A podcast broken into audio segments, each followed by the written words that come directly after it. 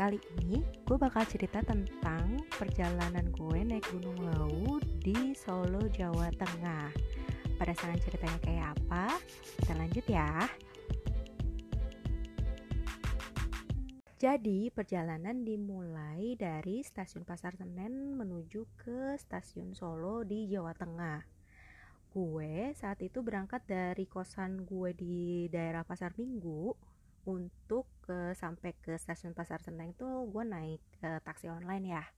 Karena kan gue mikir gue punya spare waktu yang agak banyak tuh berangkat dari kosan menuju ke uh, stasiun Pasar Senen itu.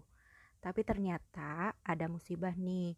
Ternyata gue membutuhkan waktu yang jauh lebih lama karena nggak tahu kenapa saat itu tuh ada kejadian kebakaran di pasar Senen.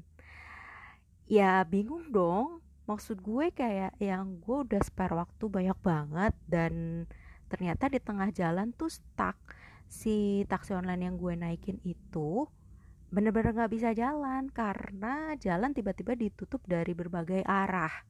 Sedangkan temen gue yang udah nunggu itu ada tiga orang di stasiun udah mulai khawatir nih udah mulai kayak nanya-nanyain gitu kan lu di mana? Lu di mana? gitu kan. Tapi ya gimana dong gitu gue saat itu tuh kayak aduh ini nggak mungkin banget nih gue pesen ojek pun juga gue nggak tahu titiknya. Tapi akhirnya ya udahlah pokoknya gue turun aja dulu deh dari mobil ini untuk naik ojek. Ya tapi gimana jalannya itu ditutup di sana sini gitu loh. Jadi perjalanannya aja udah lumayan challenging nih kan untuk nyampe ke stasiun ya udah deh gue cuma berdoa aja. Mudah-mudahan ini bukan pertanda buruk ya untuk gue naik gunung. Jadi gue tetap hmm, jalan ke stasiun pasar senen. Tapi in the end gue sebenarnya tetap ketinggalan kereta. Karena pas lagi gue naik ojek nih eh pas udah deket tuh ternyata si palang kereta yang menuju ke stasiun pasar senen itu tuh ditutup jadi secara tragis nih gue itu ada di pinggir rel di mana si kereta yang harusnya gue naik tuh menuju Solo itu lewat. Ya udahlah. Tapi gue emang nggak bisa ngeliat-ngeliat handphone kan karena kan bener-bener in a rush gitu kan. Jadi ya udahlah gue pas turun gue udah tahu nih wah ini pasti kereta gue nih yang harusnya gue naik dan ternyata gue ketinggalan ya udah. Nah tapi nya pas gue tahu nih ternyata hmm, temen gue yang tiga orang itu ngasih tahu kalau ada satu orang lagi yang ikut yang juga ketinggalan kereta. Sementara gue sebenarnya baru kenal di pendakian ini ya. Jadi kita memang ngob sempat ngobrol-ngobrol dulu di grup. Hmm, belum sempat ketemu tapi ya koordinasi kayak biasa. Akhirnya gue ketemu nih si satu orang temennya temen gue yang juga sama-sama ketinggalan naik kereta bareng sama gue ya udah di satu sisi gue kayak yang aduh jalan gak ya? Jalan gak ya? Gitu kan. Nah tapi sayangnya sih temennya temen gue ini bilang dia kayaknya nggak akan lanjutin perjalanan deh. Tapi di satu sisi gue nggak enak sama temen gue yang cewek yang satu orang karena kayak uh, ya udah deh ya udah deh abis diyakinin ya udah ikut aja ya udah nyusul aja kayak gitu gitu kan. Akhirnya gue lanjut dengan nyari kereta yang bisa sampai ke Solo uh, besok malam. Uh, sorry maksudnya uh, nanti malam. Sedangkan si temennya temen gue yang satu itu dia jadinya pulang. Gue akhirnya naik yang seadanya kereta itu waktu itu ya naik kereta eksekutif sih akhirnya. Tapi ya udah sih maksud gue biar kayak uh, uh, gue biar sampai dulu aja gitu. Tapi ya udahlah ya akhirnya gue naik kereta nyusul temen gue yang bertiga tadi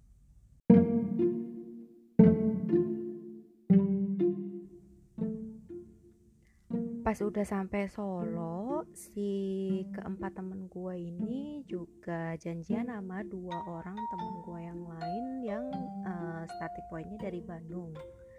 Jadi tinggal gue doang nih sendiri yang nyusul gitu.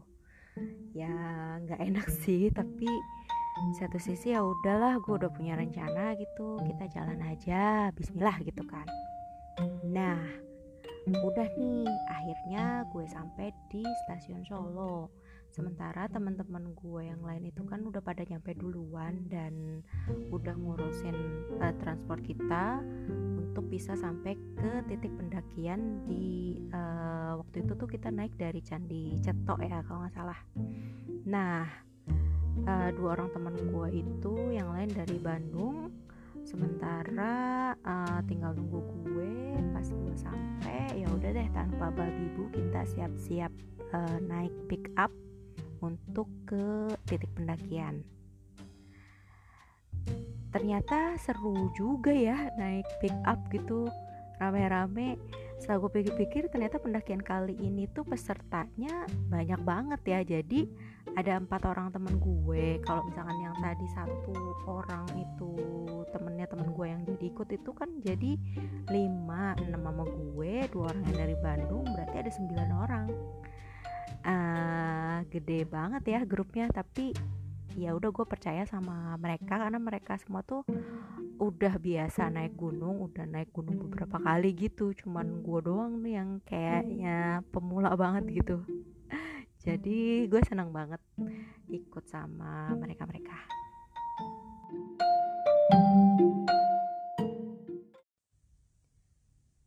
setelah kita semua kumpul nih di stasiun Solo uh, kita kan naik pick up tuh untuk menuju ke titik pendakian di uh, Candi Cetok.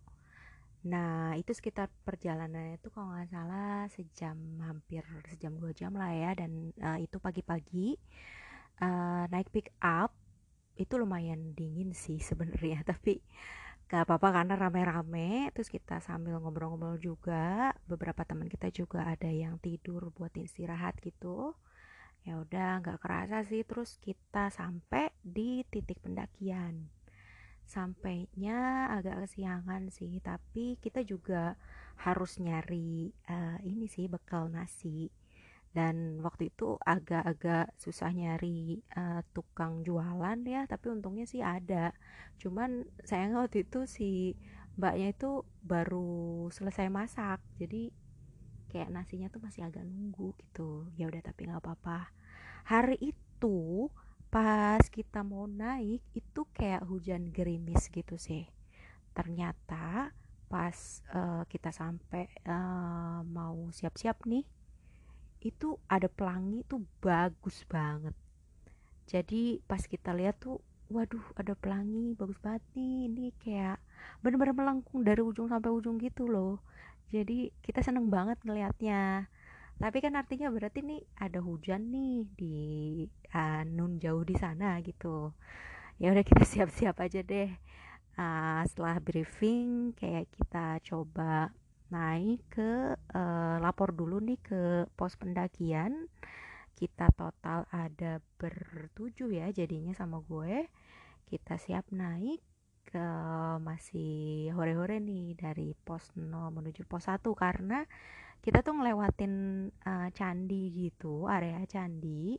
Dan masih banyak apa warung-warung gitu sih. Kalau misalkan kalian belum sama sarapan atau kayak gimana bisa sarapan dulu di situ tapi kalau kita ya ngejar waktu ya udah kita mulai aja pendakiannya langsung gitu.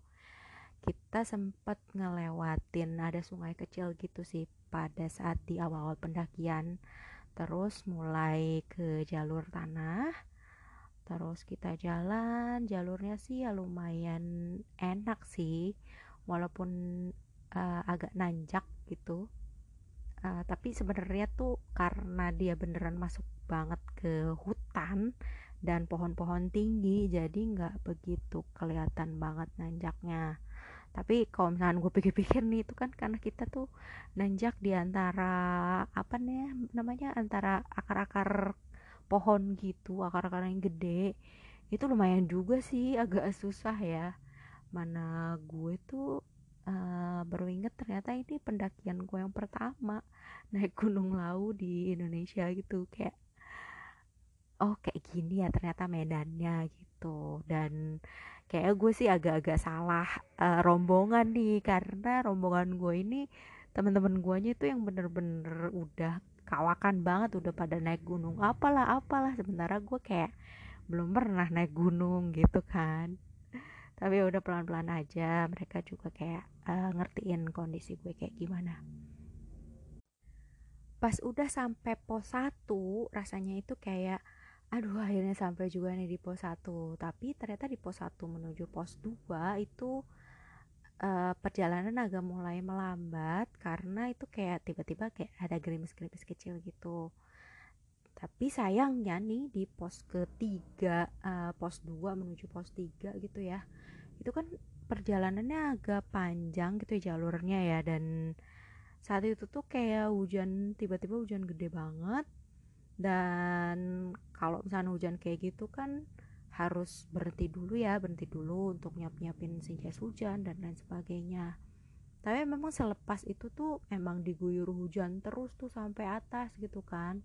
Sampai uh, untungnya sih kita masih sempat uh, ketemu matahari ya untuk rehat makan siang uh, itu pun kayak uh, kita ketemu pendaki lain yang juga istirahat di situ karena udah kehujanan dan mereka sih milih ngecamp di situ. Entah itu karena dia baru turun atau memang dari naik gue juga lupa.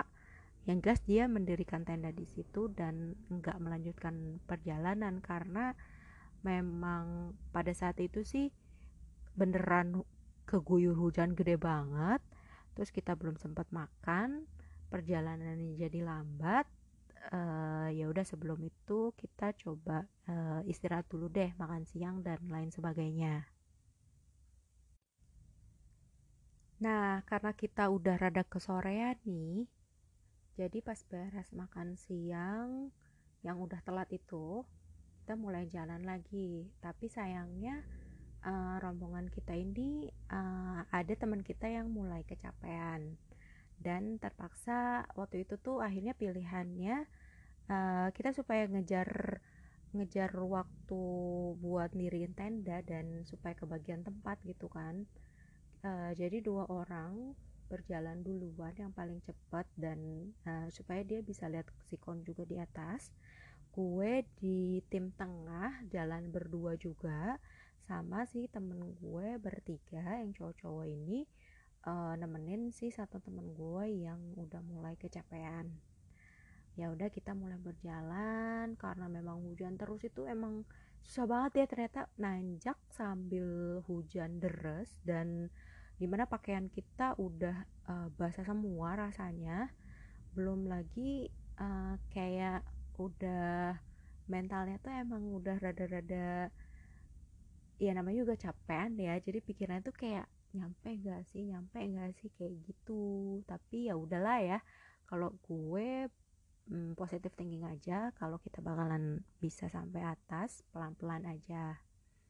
Nah pas sayangnya nih ada kejadian yang agak nggak enak nih pas kita lepas menuju uh, pos 4 sih. Sementara kayak uh, gue tuh juga udah kayak jalannya udah pelan-pelan akhirnya kita sunsetan itu masih agak di tengah jalan gitu. Uh, langit udah gelap namanya juga bisa sunsetan ya jadi emang gelap mau nggak mau. Udah nyiapin si headlamp supaya kita jalannya tetap terang. Si dua tem eh tiga temen gue yang di belakang itu tuh uh, kayak nggak nyusul-nyusul gitu. Padahal gue udah ketemu sama temen gue yang uh, jalan duluan yang berdua. Kita berempat sunsetan sambil maksudnya sih sambil nungguin si tiga temen kita yang terakhir yang di belakang. Nah sebenarnya ceritanya waktu itu tuh eh, nggak uh, ada apa-apa sih kita nggak ngerti nggak ngerti ya. Dan kalau lagi kayak gitu tuh sebenarnya jangan ngomongin yang enggak enggak deh gitu kan dan saat itu ya udah kita akhirnya berempat nyari tempat supaya kita bisa diriin camp. Karena posisinya hujan tapi untungnya sih pas kita sampai di pos 4 itu di Gupak Menjangan uh, hujan itu udah reda. Cuman ya tetap aja sih rada basah di sana sini. Tapi gue dan temen-temen gue diriin tenda uh, gue buru-buru nyiapin masak makanan sama temen gue yang cewek satu orang. Dan udah tuh kita makan tapi si temen gue yang bertiga ini tuh belum nyampe-nyampe juga. Sebenarnya mulai agak khawatir sih tapi ya udah kita siapin siapin dulu deh gitu supaya nanti si temen kita yang tiga orang itu nyampe bisa langsung istirahat dan bisa uh, makan malam. Akhirnya temen gue yang terakhir bertiga itu sampai dan kondisi fisik mereka bertiga tuh bener-bener kayak kecapean entah apa yang terjadi waktu itu kita nggak ngerti. Ya udah akhirnya untung alhamdulillahnya sampai gitu kan. Nah uh, malam jadi lebih anget sebenarnya kalau misalkan hujan. Gue juga baru tahu sih ternyata kalau misalkan hujan itu malah di gunung tuh malah jadi anget gitu. Malah kalau misalnya kayak kemarau itu di atas tuh malah dinginnya dan anginnya tuh kencang banget gitu. Nah setelah si temen kita sampai sempat uh, down sempat kecapean tapi akhirnya bisa istirahat nih kita semua untuk kita besok siap-siap uh, menuju summit. Sebenarnya idealnya itu uh, ngecamp di atas tuh di tempatnya apa itu Yukjun ya? Nah tapi karena udah kemalaman ya udah kita pilih uh, ngecamp di sini aja. Nah pas bangun pagi juga sebenarnya sunrise-nya juga kesiangan sih karena kita semua benar-benar kayak kecapean tapi nggak masalah banget. Kalau misalkan buat gue sih uh, summit itu ya bonus aja. Kalau misalkan kayak kecapean ya nggak usah dipaksain kita tuh kayak jalan baru jalan tuh kayak sekitar jam setengah tujuh jam tujuan gitu. Matahari udah naik nggak dapet sunrise yang jelas. Karena inget ke kondisi tubuh aja sih. Kita jalan-jalan pagi aja trekking pagi gitu. Perjalanannya lumayan ya kayak sekitar masih dua jam lagi menuju puncak sih. Ada dua puncak kan cuman yang satu lagi gue lupa namanya Nah, kalau rombongan kita sih sampai ke yang atas itu di Hargodumi lah. Nah, karena kita jalannya emang pagi, jadi uh, udah terang dan udah agak anget gitu. Kita jalan, ngelewatin savana gitu. Sumpah, itu tuh kayak seneng banget gitu gak tau kenapa ya kayak ngeliat uh, hamparan rumput yang sangat luas gitu kayak jadi pengen kayak buat video-video ala-ala gitu. Tapi ya, ya udah kita nanjak terus ketemu apa itu pasar Dieng ya kayak pasar Bubra apa pasar Dieng kok aku lupa ya. Jadi di pasar itu bukan bukan beneran bukan pasar ya namanya emang jalur kayak batu-batu gitu. Ya memang sih ada cerita mistis di balik itu tapi fokusnya ya udah nikmatin alam aja gak usah kepikiran yang aneh-aneh. Yang penting kita niatnya memang uh, yang baik-baik ya jangan uh, niat yang aneh-aneh. Nah akhirnya kita sampai juga tuh di tempat Yujum. Kita waktu itu mau mau pesen makan cuman kayak takutnya perutnya sakit. Ya udah kita nanjak dulu aja deh gitu nanjak dulu lihat dulu puncak kondisi puncaknya kayak apa gitu. Nggak jauh dari situ sih. Nanjak ke atas kita udah bisa ketemu si tugu uh, puncak Hargo Dumilah.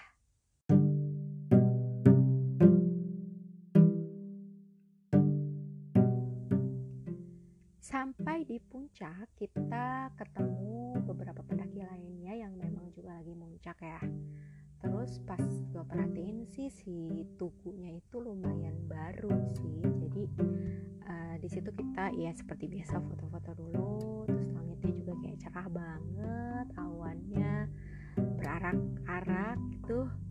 Dan di sana kita sempat kayak bawa kompor dan bawa uh, beberapa minuman supaya di atas tuh kayak hmm, sambil istirahat juga sambil minum uh, teh minum kopi juga bikin cemilan.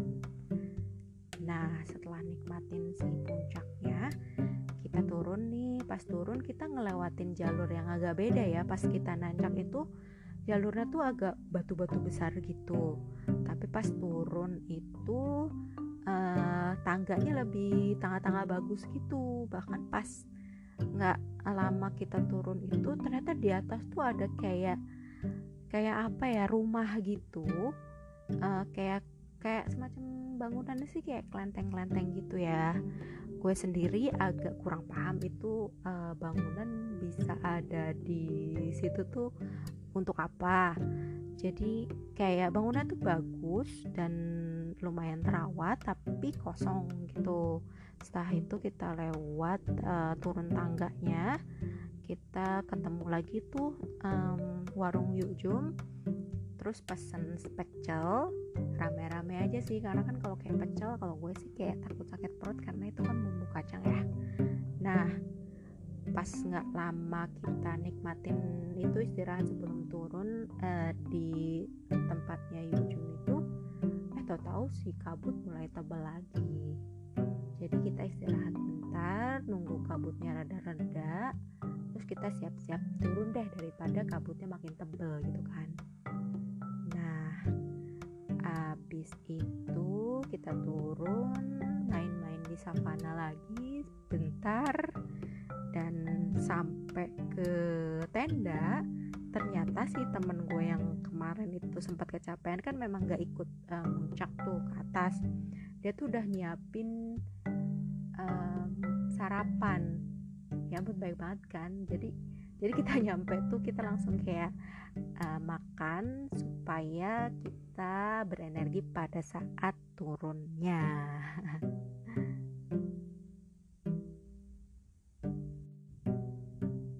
Oke setelah kita selesai makan nih uh, buru-buru tuh siap-siap uh, packing-packing lagi, beresin tenda, beresin barang bawaan, pastiin gak ninggalin sampah, terus kita juga siap-siap deh untuk turun.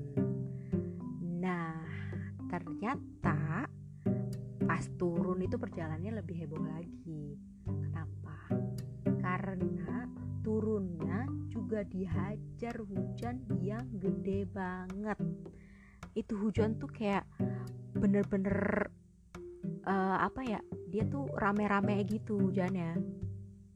Eh gimana sih?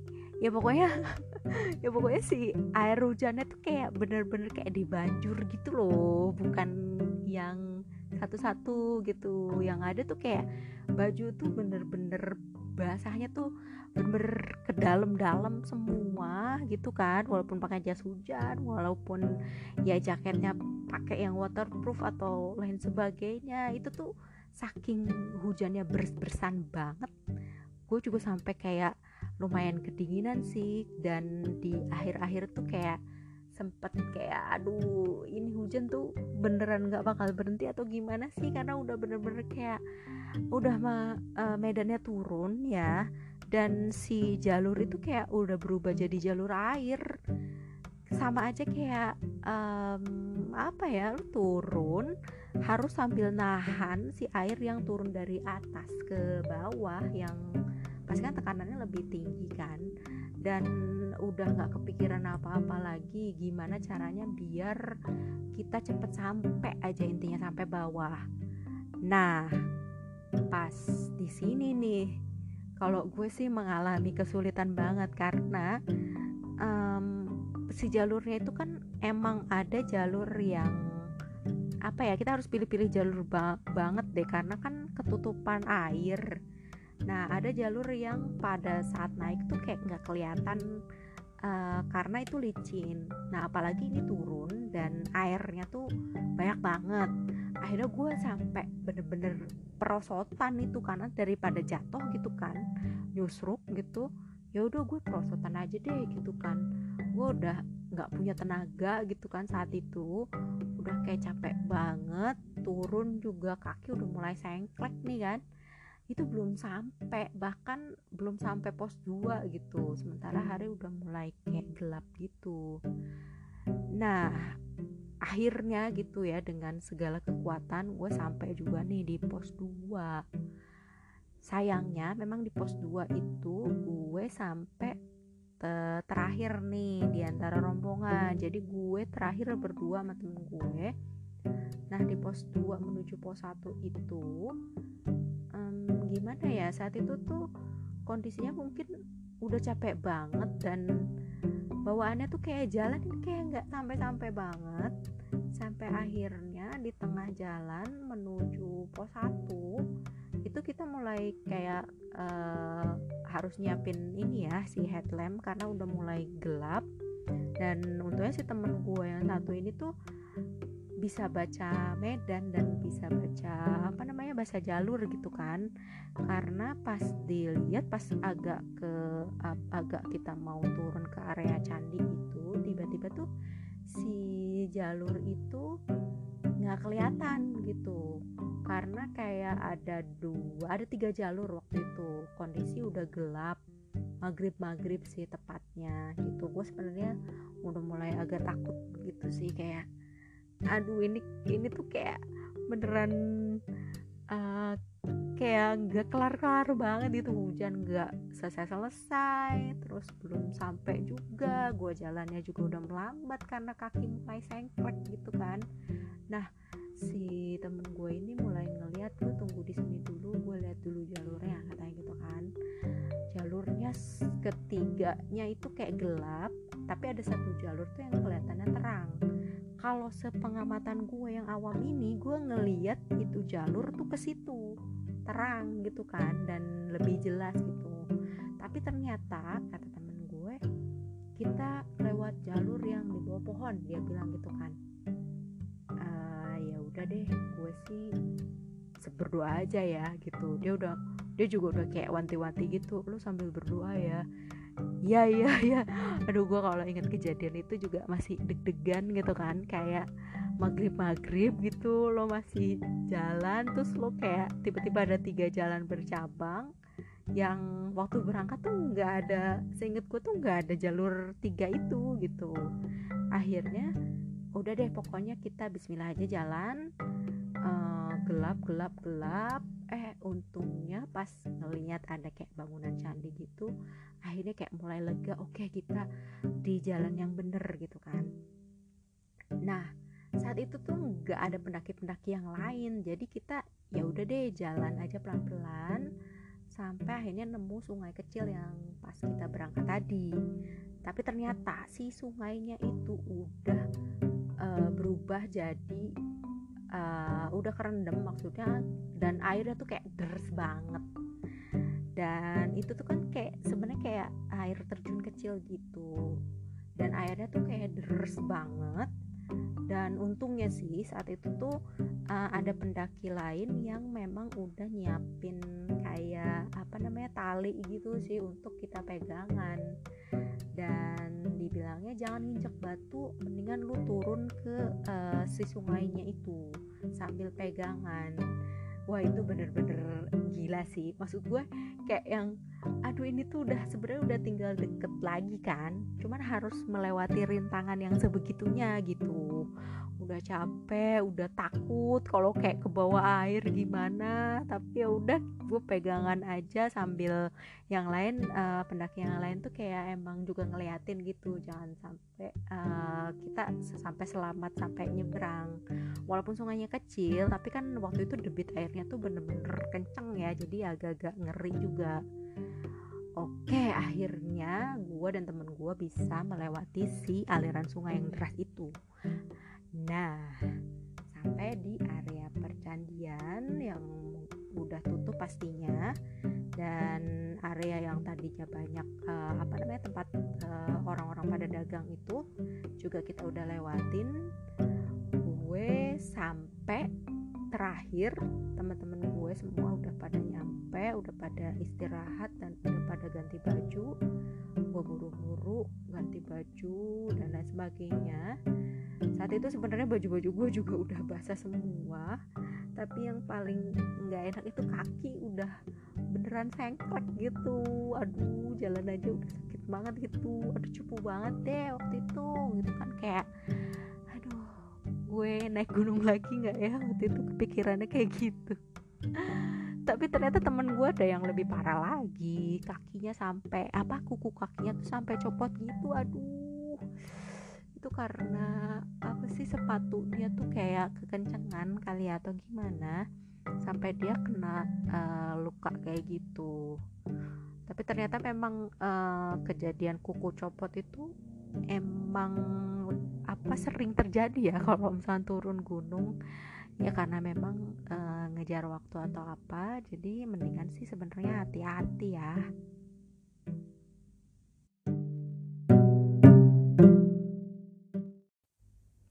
Nah, setelah semuanya beberes, ganti baju dan lain sebagainya, kita akhirnya mulai perjalanan balik dari titik pendakian ke uh, stasiun. Saat itu emang kita milih dari turun gunung tuh bener-bener langsung pulang ke Jakarta ya. Karena ya besoknya udah pada mulai kerja lagi nih gitu kan. Emang pada gila sih semuanya tuh. Uh, gue nggak ngebayangin aja ya karena besoknya sih kalau gue sih ngambil cuti ya selain karena nggak mungkin kuat karena badan gue tuh kayak rontok banget rasanya semuanya. Ternyata uh, jalur yang dipilih temen gue itu bener-bener jalur yang paling ekstrim dan paling panjang gitu. Makanya sebenarnya gue heran ya temen gue itu uh, pernah bilang kalau kayak pendakian ke laut tuh kayak kayak wisata aja biasa cepet gitu-gitu kan.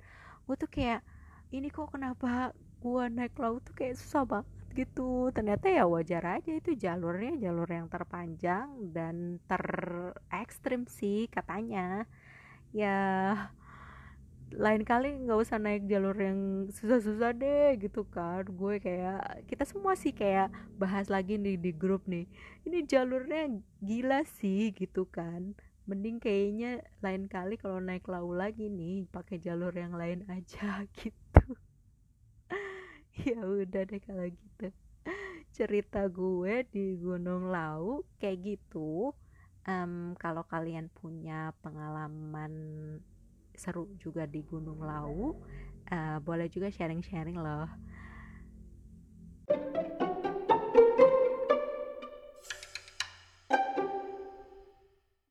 kira-kira gitu perjalanan gue pas uh, naik Gunung Lau ya. Walaupun pas pulang-pulang itu gue seminggu kali nggak bisa jalan bener karena si kaki gue ini kayak ada dikit masalah lah.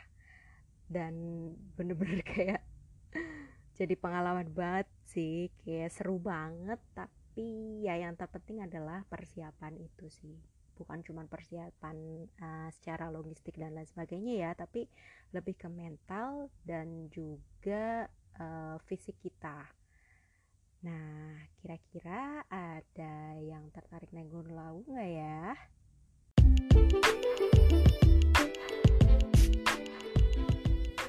Sekian cerita gue tentang pendakian di Gunung Lawu dan semoga kalian suatu saat nanti bisa naik Gunung Lawu juga ya. Kita jumpa lagi di next episode ya. Bye.